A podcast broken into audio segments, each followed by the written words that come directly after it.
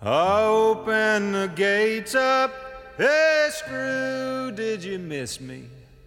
Jimmy, I see that you found a new friend.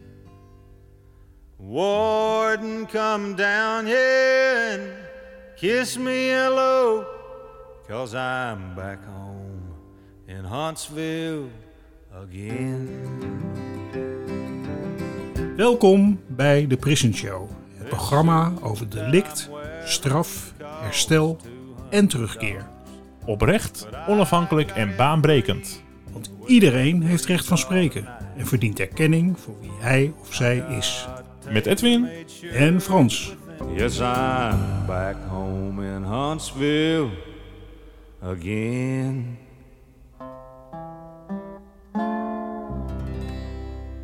So Frans, are you ready to talk English again in our podcast? Well, we, we do our best, uh, like usual. yeah. So, Um, welcome to another episode of Prison Show uh, podcast in the Netherlands. Today with a guest from the UK. yes, and we have a very special guest from the UK today. It's uh, Rebecca Chung. She is communications and training coordinator at Partners of Prisoners in the UK.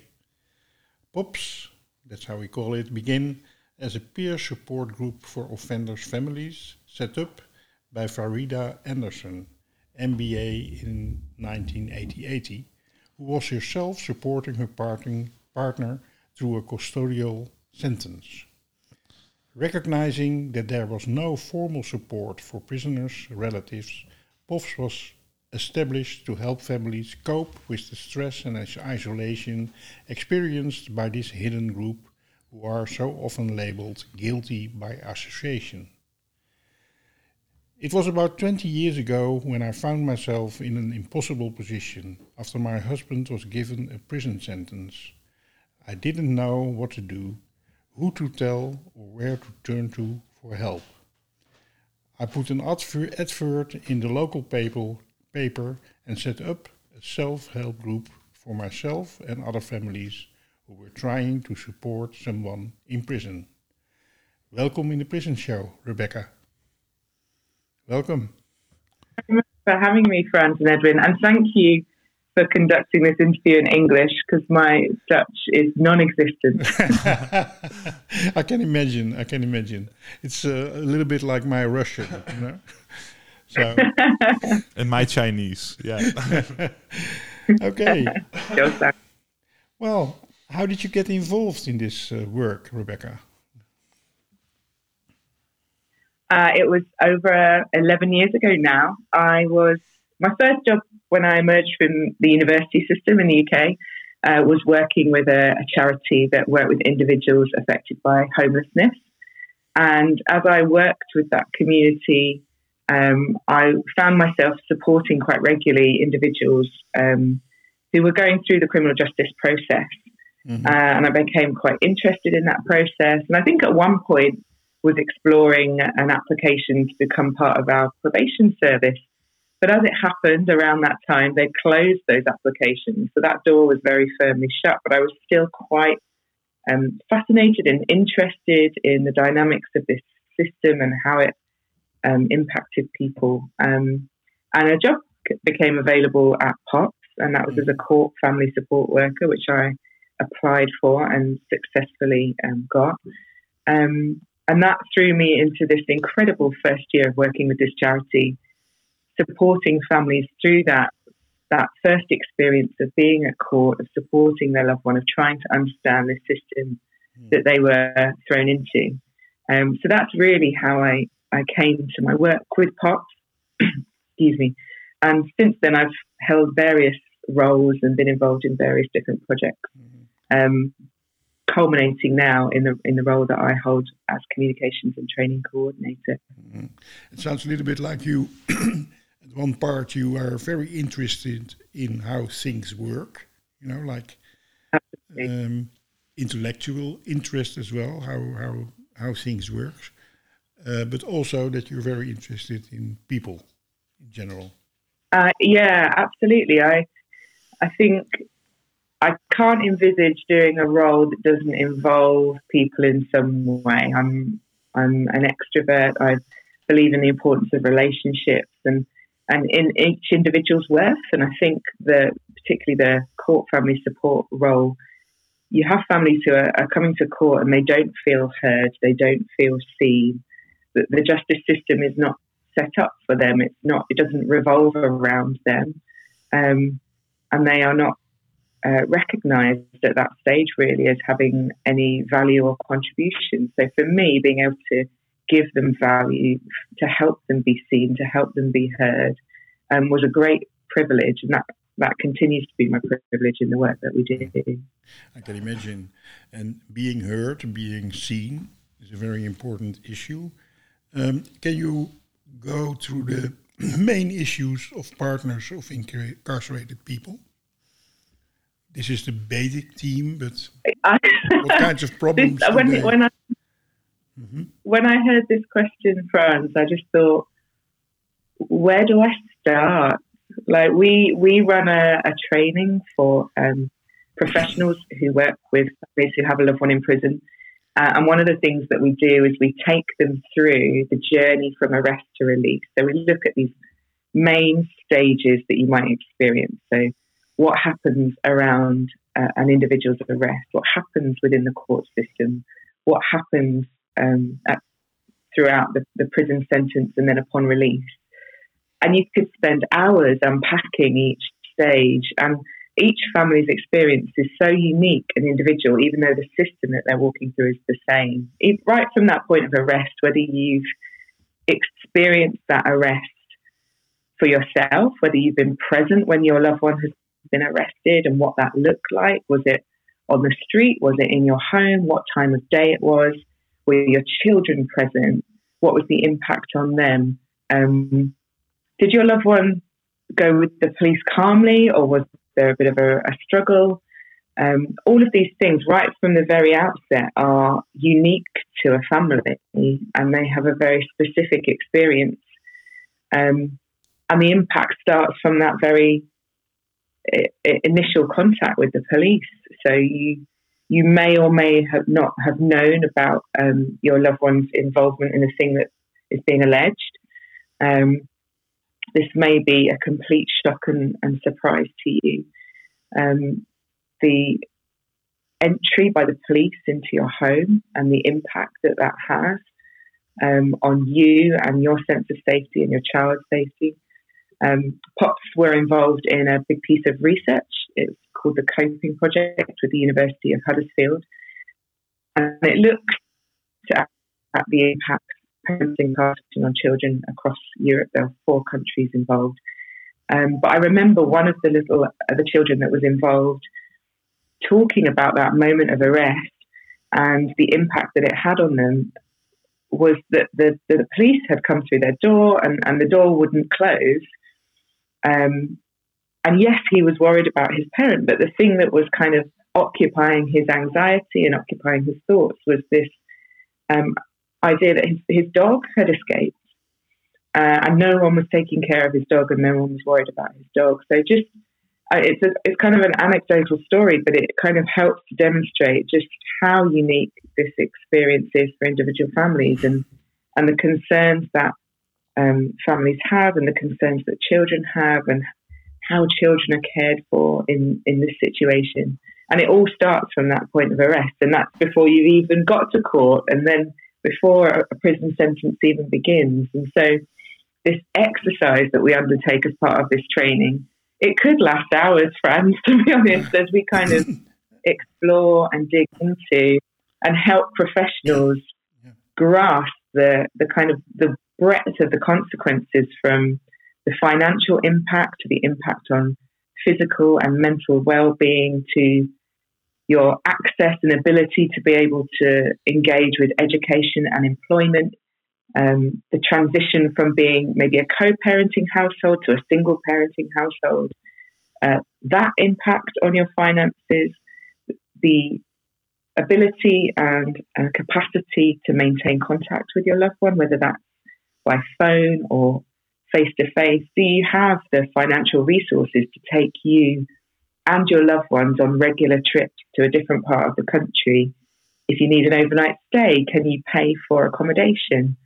Um, it's it's so detailed. The impact is so wide reaching of, of the removal of an individual from a loved one's life. And, and sometimes to try and help people zone in and understand, we kind of talk about this comparison with um, individuals whose loved ones are in the armed services. So, if your loved one goes and serves abroad, they'll be away for a particular period of time. There may be difficulties maintaining contact. You will miss them because of their absence. You may have to, for a time, become a single parent to your children. Um, so there are there are some parallels, but it also is very very different. And, and this is one of the key things that I suppose I wanted to stress as an issue is that if your loved one is in the armed services, that's often considered publicly a, a very honourable thing to do, something that is esteemed, something that is even if you don't agree with the actions that they're taking, is respected.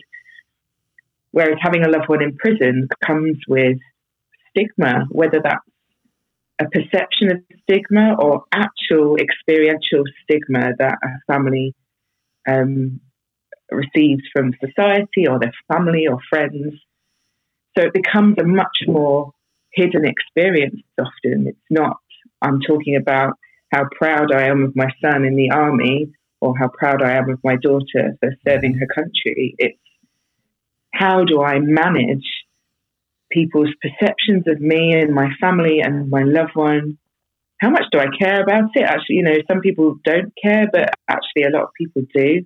Mm-hmm. And and how people interact with me. And, and we've had families who have just isolated themselves at the very point that they need support uh, and need additional services, that's the point where they withdraw because they don't, they can't trust how society is going to treat them. They can't trust how society is going to engage with them.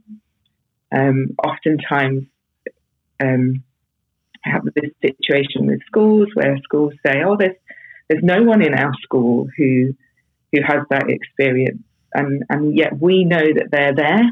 Mm-hmm. Um, and that, and that is often because parents don't trust the environment that their children is, or maybe don't trust their own colleagues, and sometimes don't trust their, their families to share that experience, or have had an experience where they feel like they're not understood, um, and so take take a step back. Yeah. So I think, I mean, we could expand that. Um, it's as wide as it is long, but I think one one of the key things is just recognizing uh, that families face and how that impacts upon. Yeah, it's very uh, very informative that you go through this whole story of what happens to uh, to a family, um, from step to step, from the arrest until uh, the next stages of the of the whole situation. The uh, funny thing is, it's not funny at all, but it's uh, interesting that we uh, interviewed uh, uh, somebody who worked with veterans, veterans, and he described the situation and veterans in prison also. Um, and he described the situation that people uh, went on a mission, which was called a peace mission, uh, got in a total other situation, a war situation in former Yugoslavia, for example, and then came back and were called cowards and murderers and stuff like that. And society had a very um, hard um, uh, stigma on them. Um, and he described the situation of the families of those veterans, and it's and said, well, it's very uh, parallel, like the situation that uh, uh families of prisoners have like. So it's not the same, not at all, but um, it all is about uh, stigma that we have about people, uh, excluding people, not seeing people, not hearing people. Um, it has obviously something to do with us, the way we look at other people. Do you recognize that? Absolutely, and I think one of the things that I try to impart when we undertake this uh, training with professionals is to help people understand that we're all just one bad decision away from this situation. Yeah. Like sometimes it's very easy to be like, well, that's not my life. I would never do anything like that. I would never be in this situation. And it can be very easy then to kind of other people because yeah. Yeah. you're different to me. You know, you are part of this community. But actually, the amount of um, mothers, friends, partners that I met at court for whom this scenario was a complete shock um, and situation had come for them out of the blue, it just reminds you that it it could impact anyone. Yeah, anyone could be in the situation. Um, there there are lots of stereotypes, really unhelpful stereotypes about prisoners' families. But this is not something that impacts just one sector of society or one group within society. It is something that affects everyone. Yeah. Um, and I think recognizing that can can help us then to engage with community um, and individuals who've been affected. Um, so st- stepping out of that kind of sense of otherness and, and recognizing that it's it literally is you know, my husband could go out today and he could um, speed in a car and he could knock someone down, and that's a, suddenly a very different situation for our family.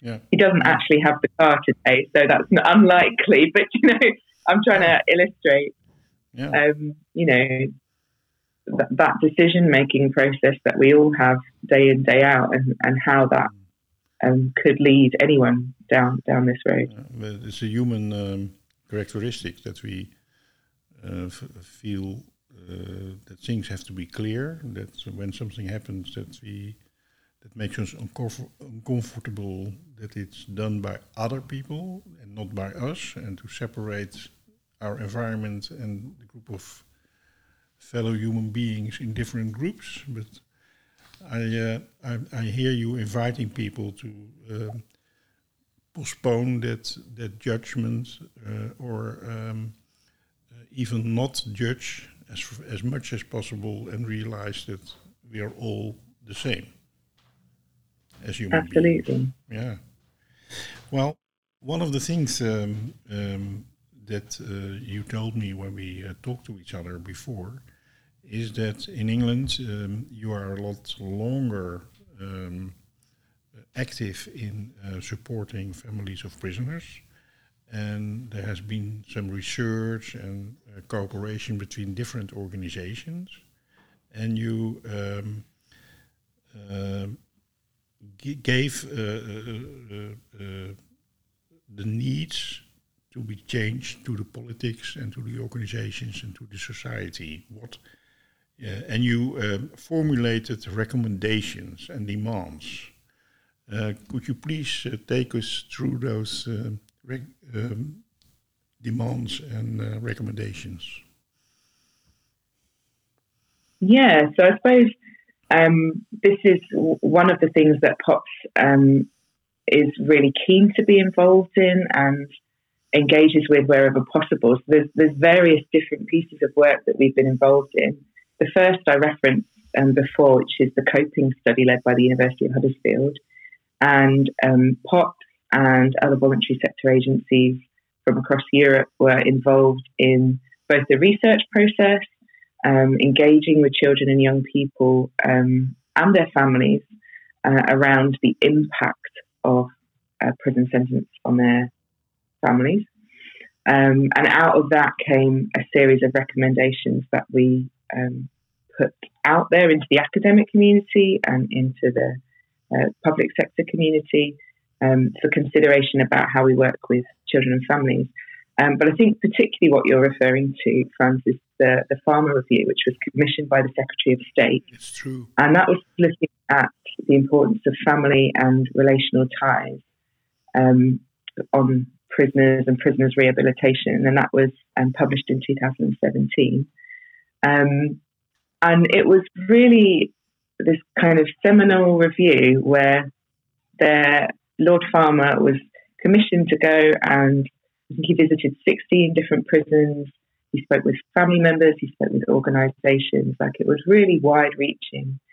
Um, and when he, he came to publish, he had over 30 recommendations which were put before Parliament um, and were accepted by Parliament. So for us, this was this in, incredible watershed moment where it wasn't just the voluntary sector agencies um, talking at the government, it was actually the government owning um, and accepting um, some of the things that we had said for, for a number of years. Um, so it was it was really significant, and, and I suppose his key the key things that Lord Farmer identified, and he's he's great with a kind of a metaphor with like a a, a pictorial way of representing representing things. He he said that families and family ties should be this golden thread that exists through all policy and procedure, and that it should be rated as important as education and employment. That it should be this third leg of the stool. Um, that we have this emphasis on educating prisoners. We have this emphasis on the kind of re-employment and upskilling prisoners so that they can go back out into communities uh, and be employed.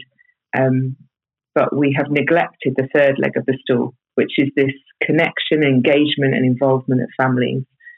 Um, and so he kind of stressed throughout his review that this family work should be seen as kind of really essential to rehabilitation.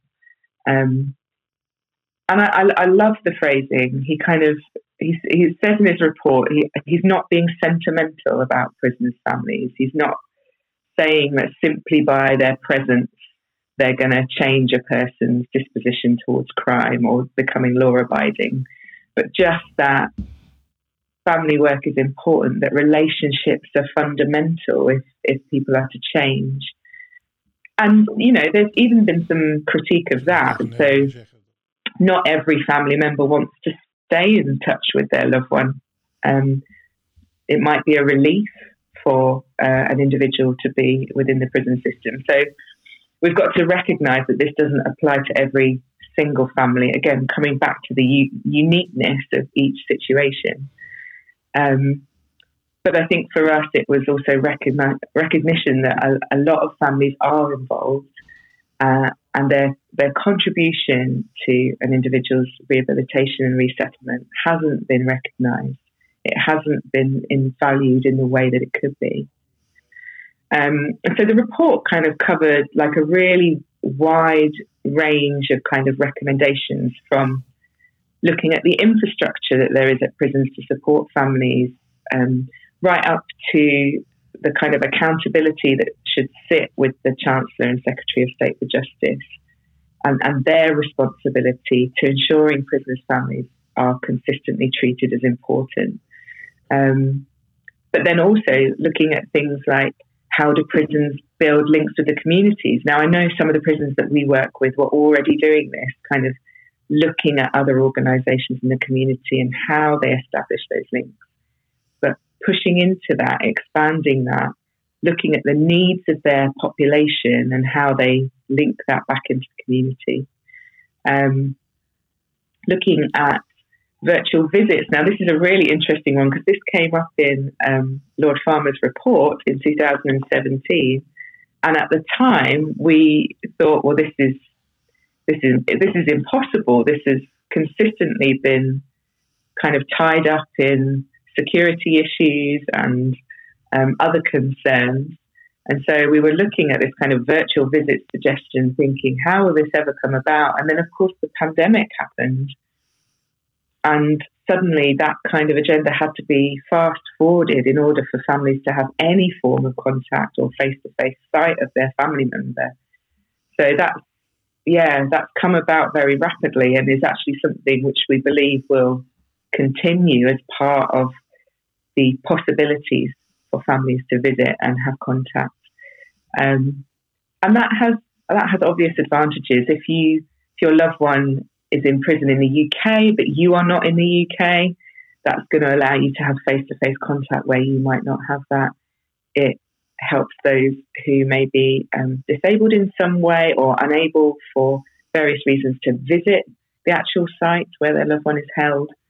So there are some advantages to this being part of um, the kind of package of visiting options that we have available to us. So yeah, that it, it, it's funny actually looking back on it this morning before I came onto the call. I was like, that's really interesting that it was there, and we we didn't understand how this might come about. And the pandemic obviously has been has had a massively negative impact in many many ways, and particularly on prisoners' families. But there are small things that we can look at that think actually it's, it's helped facilitate that. So yeah, the the report was um, was wide ranging in its recommendations, and again, it was interesting to reflect because I don't know whether you are aware of the, the Strangeways riots. So these took place at HMP Manchester um, back in 1990, uh, and Lord, yeah, and so for your for your listeners, there were some disturbances that took place um, over a number of days, um, and during that time, um, families weren't able to visit, they weren't able to make contact with their loved ones. There was a lot of distress. Um, and Lord Woolf was commissioned to write a report into the causes of those riots. Um, and he did come and speak with families, and families were able to input their perspectives. Uh, and even back then, in 1990, there was this idea within the report that there should be better prospects for prisoners to maintain their links with families through more visits, home leave, through being located in community prisons near to their homes.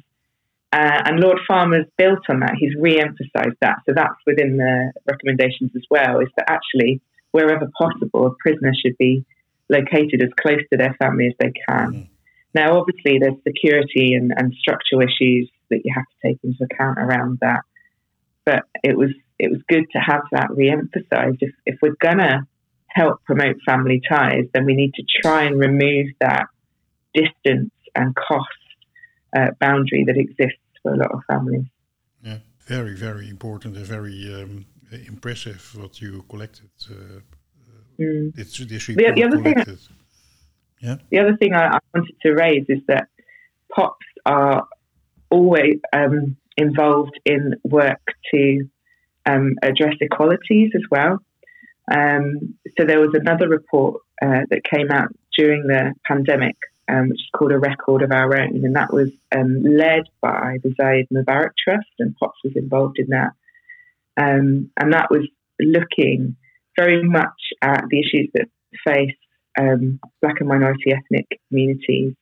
Um, and it also partnered with uh, the traveller movement to ensure that we included those from the Gypsy, Roma, and traveller communities. And it's looking very much at the impact um, upon ethnic minority prisoners during the lockdown. Um, so there were also some recommendations that came out of that around um, structural issues that were highlighted during the pandemic, um, whether prisoners had been treated equally throughout the course of the pandemic. Um, so, as I say, this is this is an area, this area of kind of engaging with research, engaging um, with kind of the political sphere, um, in, engaging in a way that allows uh, prisoners and their families' voices to be heard in, in different arenas um, is, is really, really important to us and is one of the things that is a priority in our work. Yeah, fantastic. We are about to uh, try to achieve uh, the same thing, to be seen and to be heard, to places of influence. Um, I would love to uh, put links to those two reports uh, in the show notes. And actually, mm, actually and actually, I um, uh, I have a conversation with our Ministry of Justice, uh, our Minister of Justice, uh, in a while, and I'm uh, thinking about handing those recommendations to him try to inspire him to follow those recommendations also the Dutch situation because it fits perfectly on our situation as well. The things that you uh, you tell to us. So uh, thank you very much for that. And um, th- it's very nice to to get inspired by the the work, the hard work you have done with uh, with your. Well, I think we had this conversation beforehand, didn't we? And I think um, the conversation that I've had with yourself, Frans, and the conversations that organisationally we've had through the, the Coping Project uh, and other forums, uh, for example, um, the organisation COPE is quite similar in name, but um, Children of Prisoners Europe. Um, we're able to connect with colleagues across Europe and across the world and inspire each other's practice. And I think mm. that exchange of ideas is so valuable. I mean, we were inspired um, by a project, I think, in Germany, um, which looked at the journey of children into the prison. Mm-hmm. Uh, and they had a, a, particular scheme where they used a character that helped introduce this journey to the children and then um, took them on a journey step by step through what to expect and, and how to prepare them for that first visit. We were really inspired. We took some ideas from them and kind of developed our own scheme. Um, and now we have Popsicle the Penguin, and he is part of our offer to families. Um, we have uh, large uh, visuals that help children as they go through. So we have a Popsicle uh, penguin at the point where they're searched, showing them what to do as part of that search procedure. Uh, we have Popsicle penguin footprints that the children can follow through the visit um, process. And it just, I think, helps to um, reduce some of the impact to kind of engage them in a kind of child centric way. Um, and of course, it the popsicle is is um, branded to us like it's it's our copyright, um, and, and, we've developed it in a unique way. But we we were inspired by colleagues in Germany, and and I think equally we're able to provide inspiration to yourselves. And I, I just love the sharing of ideas and the yeah the, the things that grow from this kind of collaborative way of working. Yeah. I agree, and we are uh, in the beginning of a, a lot of international exchange on subject like this, support each other, um, and inspire each other to find our own solutions in our own country and in our own uh, situation. Sure. When you, yeah. look, when you look at the Farmer's report, um, and you have to mention uh, a percentage of the report which is really implemented. What would you say? Oh, that's really interesting, and we and quite difficult to actually um, estimate, given that it was released in 2017 and then we hit the pandemic in 2019.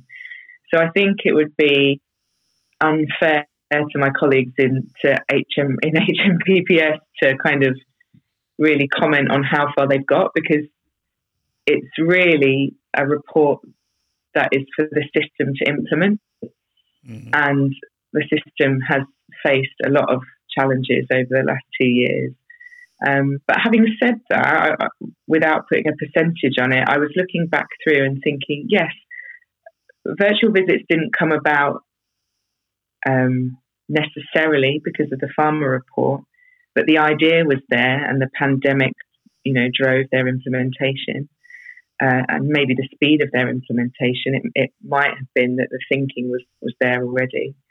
Um, but then there are other things. We've um, recently been through a commissioning process for family services across prisons. And you could see within the commissioning process that the Farmer review recommendations were sitting within the things that were being asked. Mm. Um, so it, you know, it's filtered down into the commissioning process and what's being expected of organisations that partner with prisons. And so I think we, as an organisation, as soon as the recommendations came out, were looking to to drive the implementations as much as we could in the partnerships that we exist within um, where that was possible and where that was appropriate. Um, but it's definitely there. It's there within it's there within the thinking. It's there within the commissioning, and I think really it will be the next five years to see um, how far they go and, and how, what emerges as a result of this mm. approach. And I think the, the key thing is where Lord Farmer starts, which is the attitude and approach to families because you can implement the structural things. Um, but actually, there also needs to be a kind of change of approach, not just the prisons, but also um, in society, in Yeah. wider society. Yeah, very true. And I realized that it was a very mean question to ask the this, because I know okay. very because I know very well that how complex reality is, and that uh, I think the power of the report is also one of the powers is that uh, it gives a real clear direction uh, and uh, what needs to be done. Uh, it's a kind of uh, dot at the horizon where you have to go to, uh, you want to go to together, with a lot of Yeah. different, uh, different uh, interests and uh, political uh, views. And one of the one of the important and a little bit invisible partners uh, are the staff of the prisons.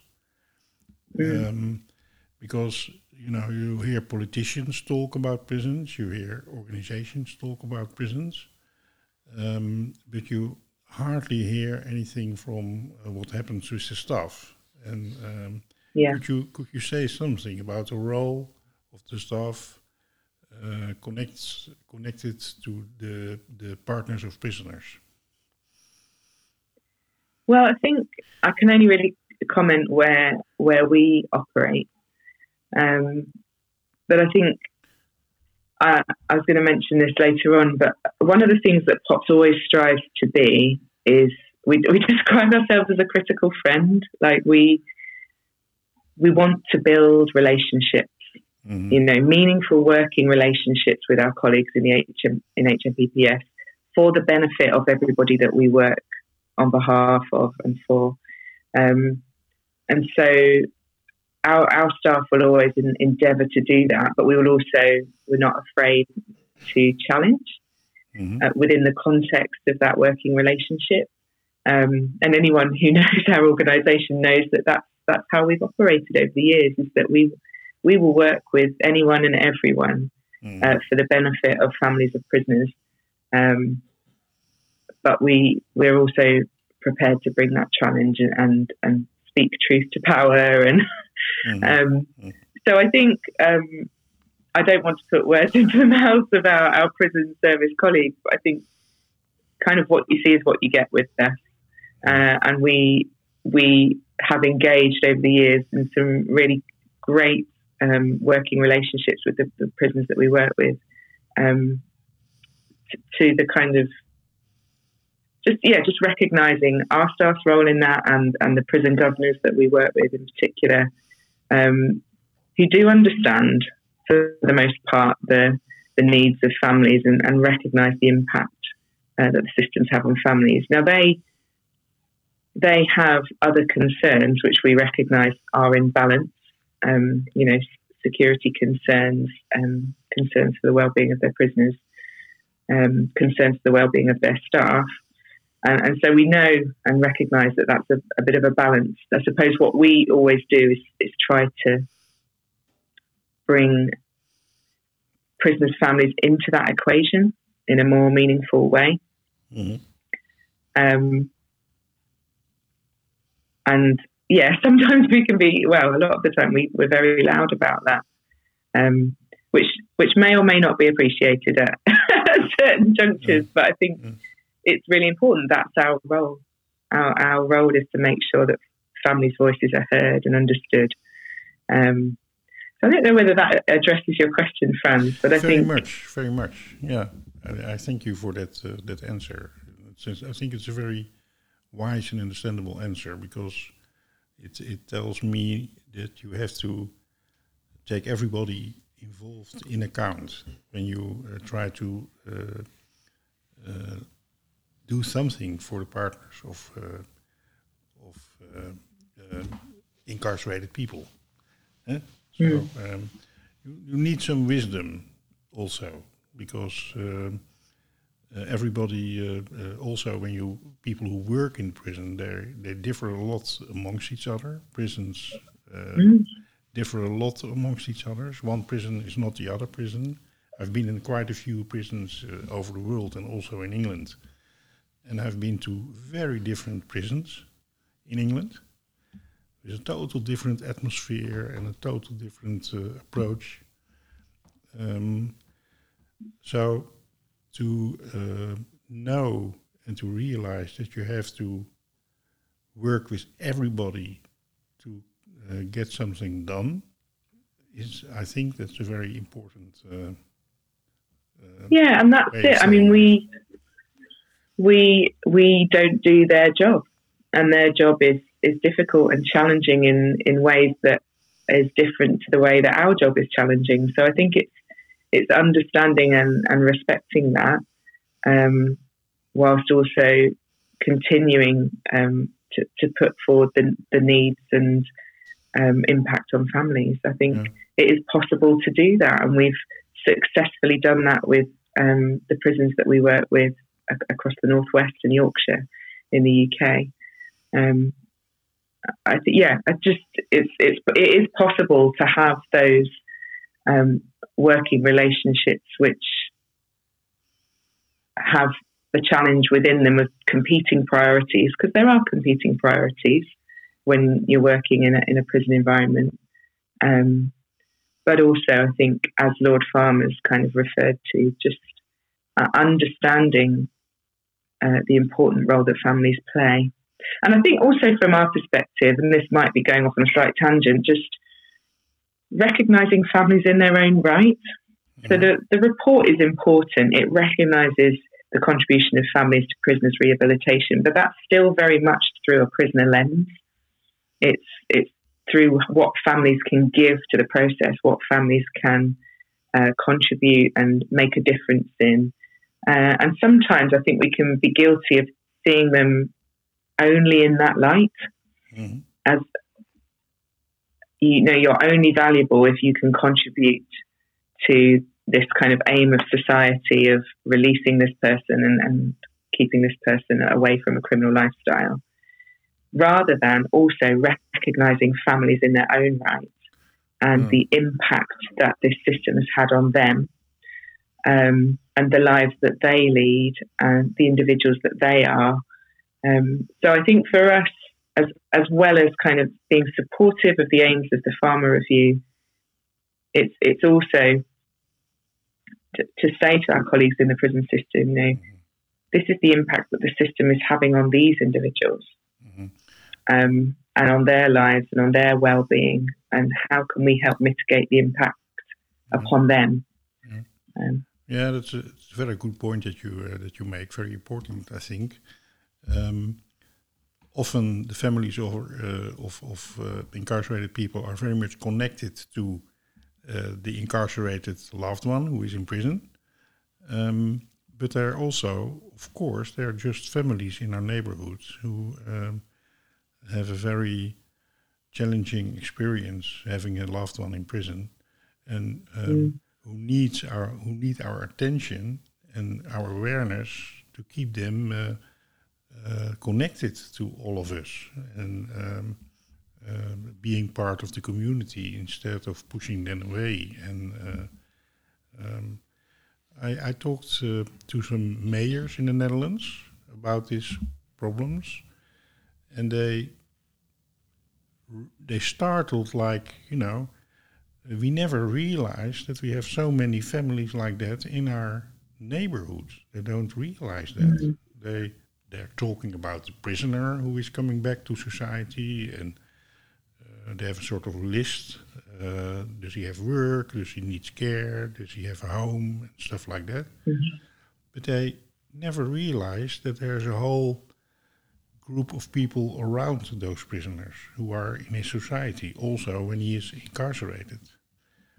So um, we can do a lot of um, work over here as well on that subject they mm. they have the value and their interest of their own as well. Those children and those uh, uh, partners. I, th- I, think one of the most, um, I mean, a lot of the work that we do is is valuable, but one of the the projects that I felt most inspired about um, that I was involved in a couple of years ago. Um, it was previously called the IHOP project. It's now uh, called the NICCO, N-I-C-C-O.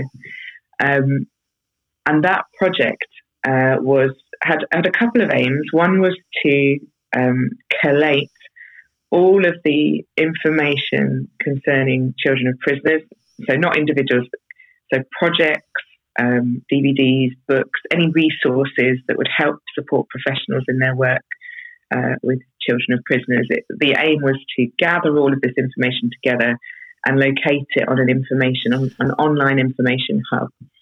Um, so that online information hub still exists and is added to and curated. Um, and it, it, means that there's kind of a one-stop shop. If you if you have come across this situation as a professional for the first time, you don't have a clue about what's happening or the impact or how to work with these children and young people, then you can go onto that online hub and you can access all these different resources to help you in your work. Um, but the other element of that project um, was actually going out and building awareness amongst professionals because, like yourselves, we often have experiences where the kind of impact on the family isn't really understood or the or it's not even recognized. Um, so it, for a long time, having a parent in prison wasn't really um, recognized for the impact that it had. But now, with the kind of birth of ACEs, so adverse childhood experiences, it, that's now listed as an adverse childhood experience, and that's now something, therefore, that people are a lot more aware of. But at the time that we were doing this project, ACEs hadn't really quite got the traction that they'd have now. Um, and so we were able to go around to different local authorities across England uh, and through connection with their local safeguarding children's boards, um, bring a presentation that would share um, some of this impact and, and, help those local safeguarding children's boards to engage with this particular group. Um, and it might be that it stopped there. It might be that that piece of awareness work was sufficient, but there were also local authorities who then invited us back to have a further conversation and look at how they could develop their policies and procedures to recognise and reflect mm-hmm. this group. And then even further invitations to come and train their staff. So to train groups of teachers, to, to train groups of social workers, to yeah, to just raise awareness, to keep that kind of information and awareness trickling down to the staff on the ground for whom uh, it was most important. Um, so for me, that was a, a, really inspirational piece of work to be involved in because, of course, we can't do the day to day work with every single family member. There's no one organisation. Uh, what you do, what you already do, sounds like a hell of a job already. we, we give it our best shot, son. How many people I, I are, are, are helping you? Thousands or five thousand or how many people? Within the within the pop team, within all the things that we're less than uh, hundred. Less than hundred. Less than 100 in the POPS team, but I think at this point it's probably worth recognising that there are a number of organisations who do similar to work, work to POPS mm. across the country. So um, we have colleagues in an organisation called NEPACS, another organisation called PACT, uh, Barnardo's, uh, Jigsaw, Halo. There are lots of different organisations uh, across England and Wales and Scotland. Actually, our colleagues at Families Outside in Scotland um, who do similar work, not okay. exactly the same, but very similar. Um, and and so they are also promoting and um, advocating and, and, giving voice to, to families. So, how, how are those uh, organizations founded, funded in England? Uh, differently. It, it, depends on your background. Most of them are voluntary sector organisations, um, which means they can raise funds through charitable means. Um, some are linked to religious structures. So um, one in particular is uh, linked to churches. Um, but we're also funded through government funding, through government contracts, through um, other trust funds. So it, it, depends. Each individual organisation will have a different funding basis. Mm-hmm. It's um, a bit the same as in the Netherlands, yeah. It's a yeah. blanket. Uh, I mean, I, I, the one thing I would say is mm. that in terms of charitable funding, we are probably the bottom of the pile in terms of things that people want to give to, yeah, and that's yeah. a that's a very sad fact. Um,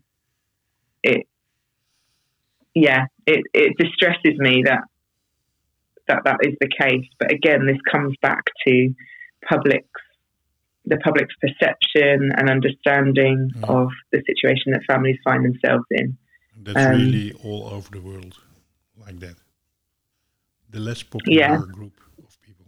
Yeah. So I think the more that we can do to promote awareness, the more that we can help people understand uh, the impact.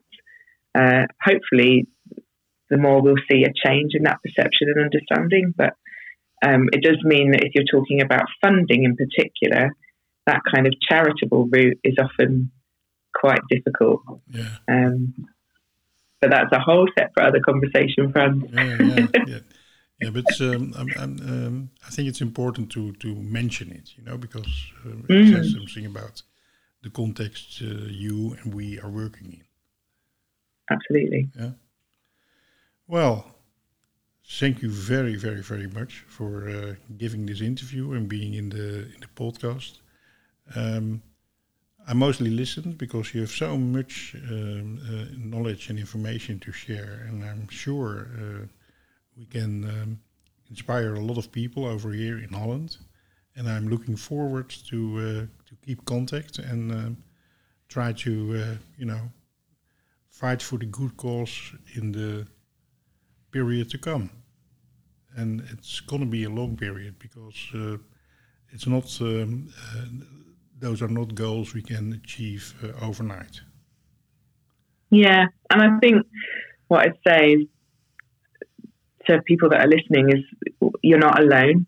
Um, Yeah. There are people out there in a similar situation to yourselves and organisations doing similar work to to persevere. You know, we've hit lots of walls in our work, um, but change does happen. Um, I reflect back on where we were 30 years ago, and there were very few visiting facilities in the UK. And, and now, 30 years later, if you go to a prison, you would expect there to be a visitor centre of some description, that there would be services for families. Um, so, just having a little bit of, of faith, if you can hold on to it, that, that things can and will change. Uh, this is a powerful message to all the relations of uh, prisoners who are uh, listening to this show. Thank you very much for that as well. Thank you. Thank you, Fran. Okay, Rebecca, have a nice day and um, we meet soon. Thank you very much. Thank you. Thank you. Bye bye. Yes, I'm back home in Huntsville again.